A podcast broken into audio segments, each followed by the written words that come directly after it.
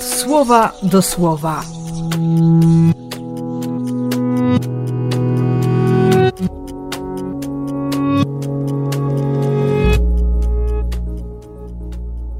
Dwudziesty czwarty stycznia, wtorek.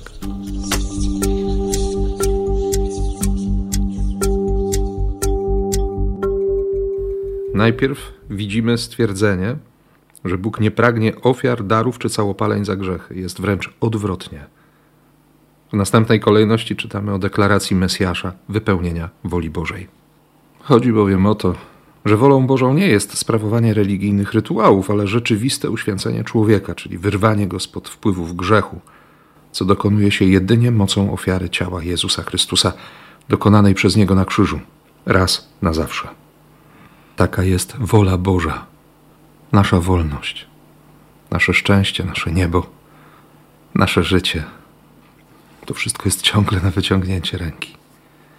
Tym bardziej, kiedy Jezus dziś powie do nas: Chcecie wiedzieć, kto prawdziwie jest moją rodziną? Kto pełni wolę Boga. Jest mi jak matka, brat, siostra, kuzyn czy kuzynka. Kto pełni wolę Boga. Dlatego w życiu Maryi ważniejsze było to, że że była uczennicą niż matką. To jest większa godność.